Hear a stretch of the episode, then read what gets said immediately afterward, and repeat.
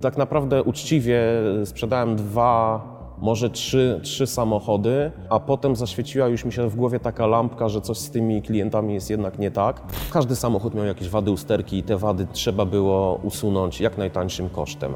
Największym takim, mówiąc kolokwialnie, hardcorem, z jakim, z jakim mm, spotkałem w tej branży, jest y, dodawanie y, zwykłego spożywczego y, miodu do silnika. Każdy szanujący się handlarz klimatyzację nabija gazem propan-butan. Dobrze usłyszałeś.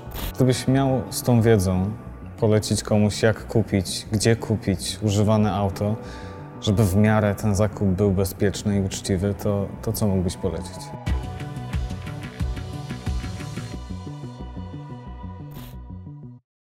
Przez 6 lat prowadziłeś komię z używanymi samochodami. Tak. Pamiętasz, jak to się zaczęło? Przygodę zacząłem no, spontanicznie i naprawdę przypadkowo. E, Kolega, który, który sprzedał mi pierwszy samochód, poszukiwał e, jakiegoś rzadkiego motocykla. E, Ten motocykl trafił na portalu ogłoszeniowym. Potrzebował jak na- natychmiast gotówki, jak najszybciej. Przyjechał do mnie właśnie tym samochodem mm, z pytaniem, czy nie poratuje go, w sensie, że nie odkupię tego samochodu i no i faktycznie tak jak sobie zerknąłem na, na, na ceny, on żądał ode mnie dosyć niskiej tej kwoty. E, Było to, e, z tego co pamiętam, około 50% wartości jego autentycznej rynkowej. Em, Przystałem na, tę- na, na, tą, na tą kwestię, samochód kupiłem. Em, Zrobiłem taki szybki, szybki jego serwis typu sprzątanie, jakieś woskowanie, odkurzenie. E, Wystawiłem również to na portalu ogłoszeniowym. W ciągu praktycznie 24 godzin zarobiłem na tym samochodzie e, 2000 zł. Szybki, szybki, mało wymagający pieniądz i tak to się zaczęło. Zachęciłeś się.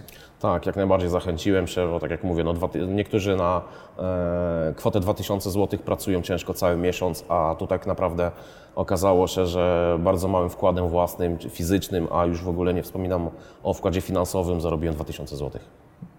Skończyło się na komisie. Tak. Ile samochodów sprzedawałeś? Miesięcznie sprzedawałem około 10-12 samochodów, przy czym na jednym samochodzie miałem zarobek rzędu 10% jego wartości. E, Przekładało się to na, na pieniążki w kwotach rzędu 2-3 tysięcy złotych. Czego Jan Kowalski nie wie o samochodzie, który kupuje w takim komisie? nie wie tak naprawdę, w jakim ten samochód jest e, faktycznie stanie. E, ludzie kupują tak naprawdę oczami i chyba emocjami. Mm, Czytają ogłoszenie, w ogłoszeniu wiadomo, że jest wy, wypisane, wyszczególnione konkretnie, e, co przy tym samochodzie zostało zrobione, w jakim on jest oczywiście stanie, jakie ma wyposażenie. Są wymienione same jego superlatywy, natomiast e, nikt oczywiście nie wspomina o, o, o wadach, które no niestety każdy samochód używany e, posiada i zwykły taki przeciętny kupujący, który do mnie mm, przyjeżdżał, witał, tak naprawdę kupował kota w worku, bo samochody, e, które przechodzą przez ręce handlarzy, e, są, e, przechodzą cały pakiet takich zabiegów upiększających. E, Myślę, że nie jedna kobieta w swoim, e, u swojej kosmetyczki nie ma takiej oferty, takiego wachlarza usług, jak e, oferuje handlarz przy samochodach. Cofaliście liczniki? E, Każdy samochód musi mieć cofnięty licznik. E, Dosłownie każdy, bo e, polski klient e, wymaga, aby samochód e, sprowadzony z Niemiec e, z silnikiem diesla, gdzie Niemiec dojeżdżając do, pra- do pracy rocznie robi 50-60 tysięcy kilometrów i, i, i polski, mówiąc tak nieładnie, Janusz e, żąda od, od, od sprzedawcy, aby ten diesel miał 160-170 tysięcy przebiegu. No i niestety ja jako sprzedawca do potrzeb klienta musiałem się dostosować. Czyli początkowo to nie było oczywiste, że ten licznik trzeba cofnąć? W- Początkowo, początkowo nie. Tak naprawdę uczciwie sprzedałem dwa, może trzy, trzy samochody, eee, a potem zaświeciła już mi się w głowie taka lampka, że coś z tymi klientami jest jednak nie tak. Eee, I, i tutaj, tutaj mam na myśli taką fajną, mogę przytoczyć taką fajną historię. E, Udało mi się znaleźć od starszego człowieka e, Poloneza Kombi. E, Samochód naprawdę piękny, uszanowany, można powiedzieć dziewiczy stan. E, Miał tylko jedną wadę. E, Tą wadą była rysa nad wlewem paliwa, tak jakby ktoś przy tankowaniu pistoletem po prostu ten, ten, Zahaczył. tak, zahaczył ten lakier, lakier nad tym wlewem przerysował. E, Ja ten samochód opisałem w sposób naprawdę uczciwy, rzetelny. Zresztą ten samochód, e, można powiedzieć, dzisiaj jest takim kąskiem na rynku, bo ma fabryczną klimatyzację, jakąś tam elektrykę, wspomaganie kierownica, lufelgi, czyli jak na Poloneza jest naprawdę ciekawie wyposażony. E, Wystawiłem ten samochód za, to było chyba wtedy około 6 tysięcy złotych. Auto jest, było z 2002 roku, czyli, czyli taka jak za auto w takim stanie, z takim wyposażeniem, cena bardzo atrakcyjna. E, Zgłosił się szybko jakiś pan, przyjechał tam ponad e, 100 kilometrów, e, gdzieś chyba z rejonów Olsztyna. e, I, I w momencie, gdy on wszedł już na, ten, na, na, na teren, na moją posesję, na teren tego komisu, na plac, e, w jego oczach widziałem taki entuzjazm, taką, taką jego radość przepełnioną, że on za chwilę spełni swoje marzenie o, o praktycznie nieużywanym polonezie z klimą, e, w stanie właśnie zachowania wręcz fabrycznym. Ale E, Ale e, no tak niefortunnie się stało, że ten samochód stał e, tyłem, właśnie tym tylnym błotnikiem z wlewem paliwa w stronę bramy komisowej i on dosłownie jak wryty zatrzymał się przy tym aucie, przy tym błotniku nieszczęsnym, popatrzył na ten samochód i z takim politowaniem, z takim jakby to jego marzenie prysło jak, jak bańka mydlana. Czy zna pan historię tej rysy? No mi ręce w tym momencie opadły. Eee, Nie ja, ja no nie znałem, bo tak naprawdę nikt w życiu bym nie, nie, nie uważał, że taka, taki szczegół e, może mieć jakikolwiek wpływ przy kupnie auta za, za kwotę 6 tysięcy złotych. Kupił czy nie? Nie, oczywiście, że nie kupił, bo moje argumenty, że samochód jest w naprawdę pięknym stanie, że jest pakowny, cichy, wygodny, miał, insta, miał instalację gazową jeszcze, o właśnie, warto, warto y, to zaznaczyć, że miał fabryczną instalację gazową. Samochód był autentycznie w pełni sprawny do jazdy i mogłem się podpisać obiema, obiema rękami, e, że to auto mu jeszcze posłuży następne 10 lat. Natomiast z powodu tej rysy on tego auta nie wziął.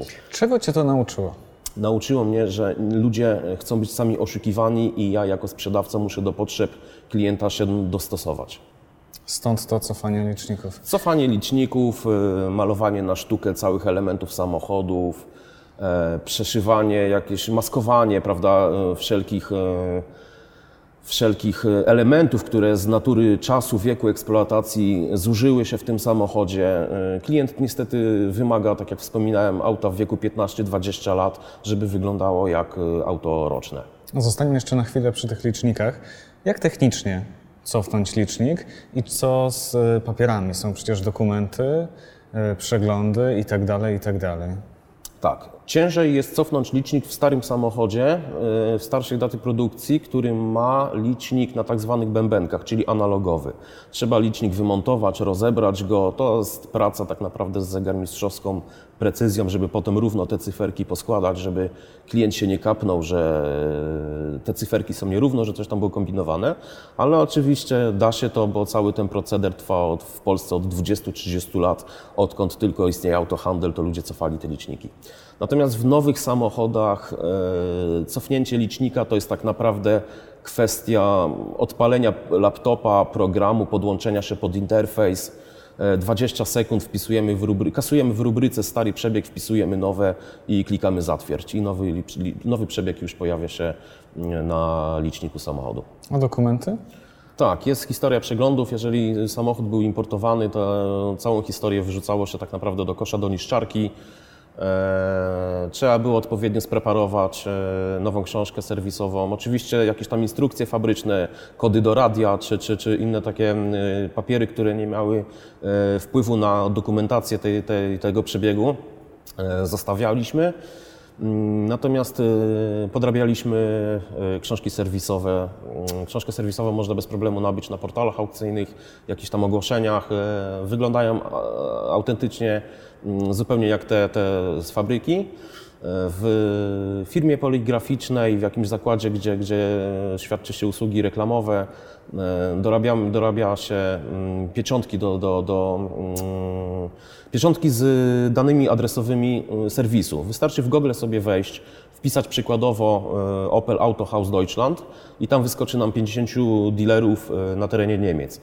I z, Kopiujesz, zamawiasz pieczątkę i masz, tak? tak, oczywiście. Z rejonu, z- żeby to wszystko jeszcze uwiarygodnić, to z rejonu powiedzmy promień się obiera 100 km od miejsca zamieszkania byłego właściciela e, i, i taką e, pieczątkę z danymi tego dealera, sprzedawcy e, dorabia się w zakładzie poligraficznym e, i uzupełniając tą książkę po prostu stempluje, stempluje e, przebiegi, prawda? Uwiarygodniam je. Przebieg to jedno, e, ale w jaki jeszcze sposób te samochody się odświeżało? Co jeszcze się z nimi robiło? E, To jest temat naprawdę rzeka, co ludzie potrafią, co handlarze potrafią zrobić e, z samochodem. I e, ja powiem szczerze, z pobudek czysto etycznych połowy rzeczy nie robiłem. E, Natomiast e, wahacze, wszystkie części aluminiowe silnika, jakieś tam układy wydechowe, myje się specjalnymi kwasami. Ten kwas rozpuszcza, tak utlenia e, zniszczoną wierzchnią warstwę tego aluminium. Wmawia się klientowi, że to są nowe elementy, świeżo wymienione, że Niemiec dbał, sprzedał z wielkim smutkiem i żalem.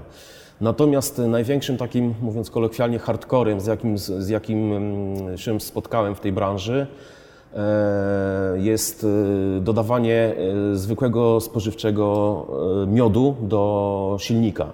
Jeżeli silnik jest wyeksploatowany z racji przebiegu, E, Nie opłaca mi jako handlarzowi się go wymienić, e, bo ponoszę wtedy koszta, e, za które niestety nikt mi nie, nie będzie w stanie zwrócić. Nie opłaca się tego silnika również remontować, bo to też są niemałe koszta.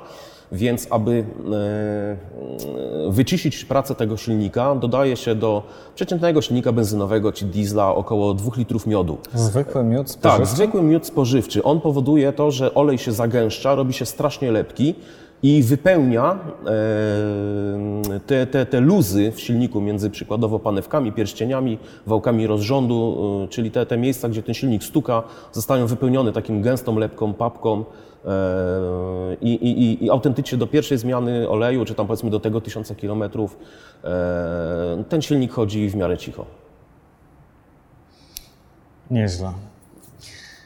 Takie są realia autohandlu. Gdybyś chciał kupić takie auto u Niemca i sprzedać je uczciwie w Polsce, byłbyś w stanie e, na nim zarobić?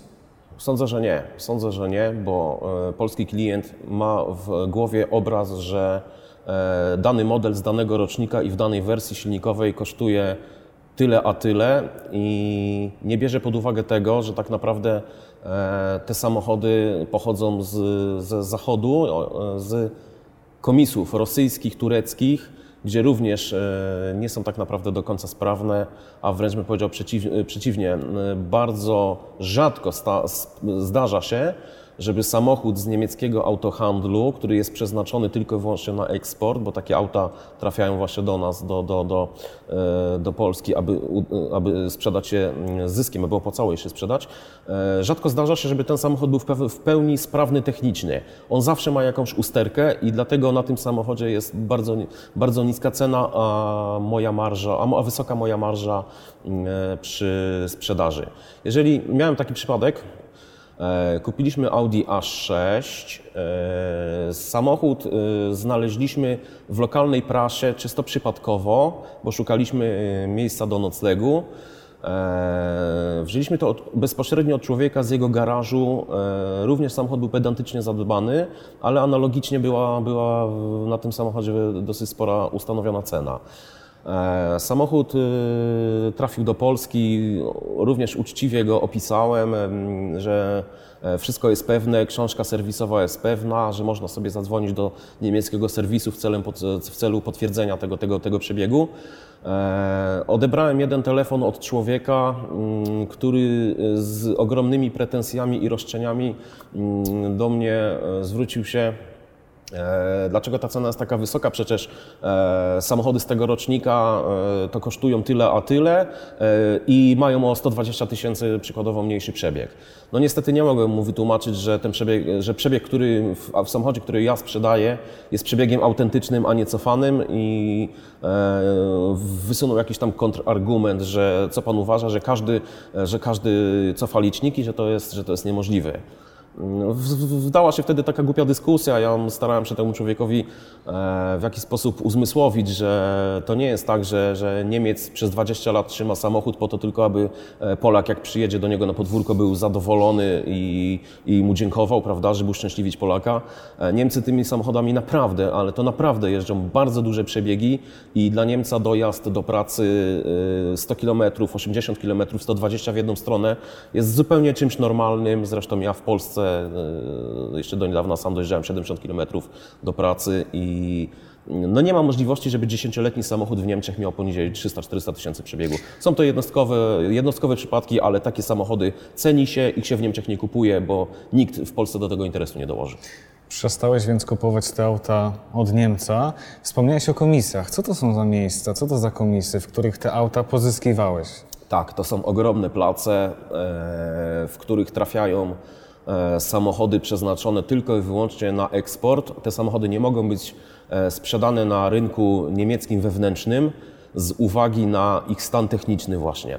Niemiec kupuje nowy samochód i eksploatuje go praktycznie do granic możliwości. E, Dzisiaj te samochody no niestety są kiepskiej jakości i nie można ich w żaden sposób porównywać do tego, co produkowało się 15 lat temu. W Niemczech, jeżeli e, ktoś sprzedaje samochód i mówimy tutaj, znaczy mówiąc ktoś, mam na myśli osobę prywatną, e, on bierze do końca całkowitą odpowiedzialność za wszelkie wady tego samochodu, techniczne, prawne. E, W Niemczech są ogromne sankcje prawne za zatajenie jakiejś y, usterki. Oczywiście nie mówimy tutaj o jakimś dziurawym tłumiku czy wybitym amortyzatorze, bo to są elementy eksploatacyjne i w każdym momencie mogą, mogą się zepsuć, ale na przykład tak jak wspominałem, do, dosypanie, dolanie miodu do silnika czy trocin do skrzyni jest to obligatoryjny prokurator w Niemczech i wyrok. I Niemcy bojąc się o konsekwencje sprzedaży takiego auta, E, te samochody e, wymeldowują, czyli tak jakby na, mówiąc po naszemu, wyrejestrowują je w swoim, w swoim urzędzie komunikacji i sprzedają je do e, tych e, autohouse'ów, e, którymi zarządzają e, w ogromnej, w przeważającej większości obywatele Turcji i Rosji. E, I Polacy przyjeżdżają do takich miejsc z lawetą. jak nie dokładnie. I jak wygląda procedura dalej? E, To wszystko zależy od handlarza. E, Naj, naj, naj, najbardziej tacy ordynarni są chyba handlarze litewscy. Oni po prostu nie patrzą, co stoi, tylko byłem sam świadkiem takiej sytuacji, że zajechała ta lora, czyli ta ciężarówka mm, do, przeznaczona do transportu samochodów osobowych e, na plac. Litwin wyszedł z tej, z tej, z tej e, ciężarówki, z szoferki, popatrzył i do sprzedawcy stwierdził, że poproszę zapakować ten rząd aut, nie oglądając ich. E, Czyli zapa- pierwsze lepsze właściwie. tak, dokładnie. Pierwsze lepsze powiedział, że ten rząd potrzebuje i kupił tam mm, przykładowo, nie pamiętam ile na taką lorę wchodzi samochodów, załóżmy, że jest to 12 i 13 dostał, ten 13 ten samochód dostał zupełnie w gratisie. Przywoziłeś te auta do Polski.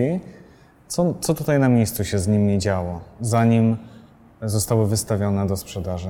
Tak, pierwsze, pierwsze, pierwszą czynnością, jaką się robi, to jest oczywiście odpowiedni przebieg dostosowany do potrzeb klienta i największym kuriozum chyba, jak się przekracza polską granicę, to są banery i szyldy przy, w Gubinie czy, czy, czy w Świecku, e, korekty liczników i stoi to jawnie, każdy kto przejeżdża widzi, że można zatrzymać się na parkingu, e, podpiąć samochód i cofnąć ten licznik.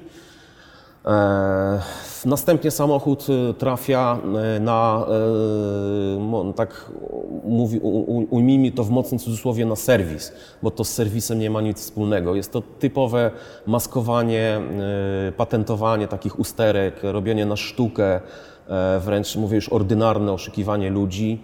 Pamiętam historię z Citroenem C5. E, Citroen C5 ma dosyć specyficzne zawieszenie, bo jest to zawieszenie hydropneumatyczne i bardzo, bardzo drogie w naprawie. E, W tym samochodzie były uszkodzone hamulce z tyłu. One, z tego co pamiętam, są jakoś zintegrowane chyba z, z, z, tym, z tym płynem hydraulicznym pracującym w zawieszeniu. E, I żeby ten samochód y, hamował, E, Z mechanikiem ucięliśmy, autentycznie ucięliśmy przewody tylnego układu hamulcowego. E, Te przewody hamulcowe zawinęliśmy w taki ślimaczek, zagnietliśmy to kombinerkami i samochód e, zaczął już prawidłowo hamować, nie, ten pedał nie wpadał do podłogi. No i oczywiście auto było sprzedane jako ideał rarytas od dziadka z Ale Niemiec. nie działały hamulce z tyłu. Tak, nie działały sam hamulce z tyłu, bo były fizycznie odpięte e, hydraulicz, z przewodu hydraulicznego. I taki samochód jest sprzedawany polskiemu nabywcy za oczywiście jakieś tam e, pieniądze niesatysfakcjonujące. Czy podobnych sytuacji było więcej? E, Każdy samochód miał jakieś wady usterki i te wady trzeba było usunąć jak najtańszym kosztem. E, Paląc świecące się kontrolki naprawia się w ten sposób, że w starych autach wystarczyło wymontować żarówkę bądź tą żarówkę połączyć z, z kontrolką ciśnienia oleju. Mówimy tu o poduszkach powietrznych, o ABS-ie i te kontrolki ładnie gasły nam razem z y, chwilą zgaśnięcia kontrolki ciśnienia oleju. W nowych samochodach y, podkleja się gumę do rzucia na diodę, bo tam niestety już te układy są scalone, zintegrowane i wymontowanie takiej diody spowoduje, że sfiksuje nam cały licznik, dlatego między tą kontrolkę a, a tą taką tą czarną, jak to powiedzieć, tą płytkę, nakładkę, prawda, ten dashboard, który widzimy przed oczami, podkłada się gumę do rzucia, jakąś plastelinę, żeby ta kontrolka się nie świeciła. E, Patentów tego typu jest naprawdę mnóstwo, tysiące i ja e, handlarz z sześcioletnim stażem, który również mam dosyć sporo za, za, za, za uszami, jeżeli chodzi o takie oszustwa przy sprzedaży auta. Jak słyszałem, słuchałem relacji moich kolegów z branży, łapałem się za głowę, że w ogóle takie rzeczy są możliwe. I proszę sobie wyobrazić, e, ludzie takie auta kupują, jeżdżą do dzisiaj i do dzisiaj tak naprawdę nie wiedzą, czym jeżdżą, a przeważnie to się okazuje przy wypadku, bo w rejonach mojej miejscowości e, był ostatnio wypadek Forda Focusa i samochód przy niewielkiej, naprawdę niewielkiej kolizji złamał się na pół, a z progu wypadła w tym aucie takie, nie wiem jak to się nazywa, ceownik, kątownik, taka, taka, takie wzmocnienie zrobione na sztukę. Jak sam wspomniałeś, sam masz sporo za uszami w tym temacie. Nie miałeś po ludzku wyrzutów sumienia? Nie, wyrzutów sumienia nie miałem, bo byłem świadomy tego, że e, ludzie sami oczekują ode mnie, e, że mam na, mieć na sprzedaż 20-letniego diesla e, z zachodniego rynku z przebiegiem 180 tysięcy, bez jakichkolwiek usterek, bez jakichkolwiek wad lakierniczych i, najle, i jak, najlepiej, na- jak najlepiej wyposażonym. Myślisz, że mimo tego, co mówisz, są w Polsce uczciwi handlarze, Uczciwi którzy handlarze... jednak nie cofają tych liczników? Nie, niestety nie, nie, nie, nie, nie, nie, nie, nie ma w ogóle takiej opcji. Uczciwi handlarze, jeżeli byli, to wyginęli śmiercią naturalną, rynek ich zweryfikował. E, Mam jednego znajomego e, w Łodzi, taki leszny, na niego mówimy. E, On stara się robić, handlować tymi samochodami, obracać w sposób w miarę rzetelny i uczciwy. E, Czyli wszelkie rzeczy, które wymagają, e, wymagają mm, naprawy, on e, wymienia, nie, nie robi na sztukę, tylko wymienia, zastępuje autentycznie częściami zamiennymi przeznaczonymi do, do, do tego celu. E, Natomiast różnica jest taka, że on sprzedaje jeden samochód w ciągu dwóch miesięcy, a ja sprzedawałem 10 aut w ciągu miesiąca. I nierzadko też była taka sytuacja, że z racji tego, że już tego samochodu nie mógł sprzedać z uwagi na cenę, e, która by, była adekwatna do tego stanu samochodu, ale e, automatycznie wyższa od przeciętnej rynkowej, on do tego interesu musiał dokładać. Kiedy przyjeżdżali do ciebie klienci do komisu, na co przede wszystkim zwracali uwagę? Czy byliście w stanie rozpoznać klienta, który z całą pewnością kupi to auto, a który będzie wybrzydzał, który będzie targował się, a który będzie łatwym klientem? Ciężko jest rozpoznać. Natura ludzka jest tak naprawdę nieobliczalna, jest tyle charakterów ludzi, il- ilu, ilu samych ludzi jest na Ziemi. E, Natomiast ym, polski klient i w ogóle samochód przeznaczony do e, sprzedaży w Polsce musi mieć trzy główne zalety. Musi mieć dobrą cenę, niski przebieg i ładnie wyglądać. Jeżeli te trzy argumenty zostają spełnione, mamy sukces gwarantowany. Czy to prawda, że handlarze samochodów mają swój język w odniesieniu do klientów? Tak, tak. e, To jest prawda. Handlarze mają swój taki wewnętrzny żargon, język. E, My z kolegami z branży, z mojego miasta i okolicznych miejscowości, okolicznych komisów e, spotykaliśmy się, mówiąc tak po męsku, przy wódeczce w sobotę i zasypywaliśmy się właśnie różnego typu, tego typu historiami ze sprzedaży. I na przykład na rodzinę, która przychodzi na plac, mówi się, że dotarł plebs. To nie jest rodzina, to jest plebs. Na, jeżeli przyszedł sam klient, e, mężczyzna, który chce kupić ten samochód, mówiło się, że przyszedł e, ham albo karaluch, ewentualnie robal. Tak mówi się na, na, na klienta, ham, karaluch, robal. Natomiast e, na klienta, który już e, nabył ten samochód i ewentualnie tam dzwonił z jakimiś pretensjami, roszczeniami, mówi się wyjebany. Znamienne. Tak, niestety takie są realia tego, tego biznesu. Wytrzymałeś 6 lat i rzuciłeś ten biznes. Dlaczego tak naprawdę? Co przeważyło? Przeważyła pewna historia sprzedaży samochodu marki, marki Opel. E, Udało mi się dosyć e, tanio nabyć Opla Vectra z silnikiem diesla e, za zachodnią granicą. Oczywiście, jak każdy ten samochód z tych placów, auto było uszkodzone, miał uszkodzony silnik. Cena była bardzo atrakcyjna, sprowadziłem ten samochód do Polski. Mm, Problemem, pr- ten samochód trapiły dwa problemy. Uszkodzona pompa wtryskowa i uszkodzona klimatyzacja. E, Usterka z pompy objawiała się tym, że samochód miał problemy z uruchomieniem na zimnym silniku.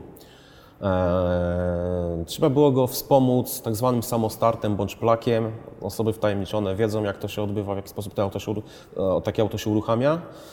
E, Natomiast jak ten samochód już złapał temperaturę roboczą, e, osiągnął te 90 stopni, odpalał bez problemu, jeździł bez, bez żadnych tam uwag. Miał również rozszczelnioną klimatyzację. E, Tą klimatyzację akurat udało się bardzo szybko uszczelnić. To jest tam była rzędu kilkadziesiąt złotych inwestycja i e, chciałem również ją nabić, aby już kompleksowo zamknąć ten temat. E, Zadzwoniłem do właśnie kolegi z branży z pytaniem, mm, czy wie, gdzie mógłbym najtaniej coś takiego zrobić. On w tym momencie popukał się w głowę, czy, czy nie zwariowałem, że jeszcze do tego interesu będę dokładał. Przecież nikt ci za to nie zwróci. E, I powiedział, pokazał, że każdy szanujący się handlarz klimatyzację nabija gazem propan-butan. Dobrze usłyszałeś. Czyn, zamiast czynnika chłodniczego w układ klimatyzacji handlarze wpuszczają gaz propan-butan.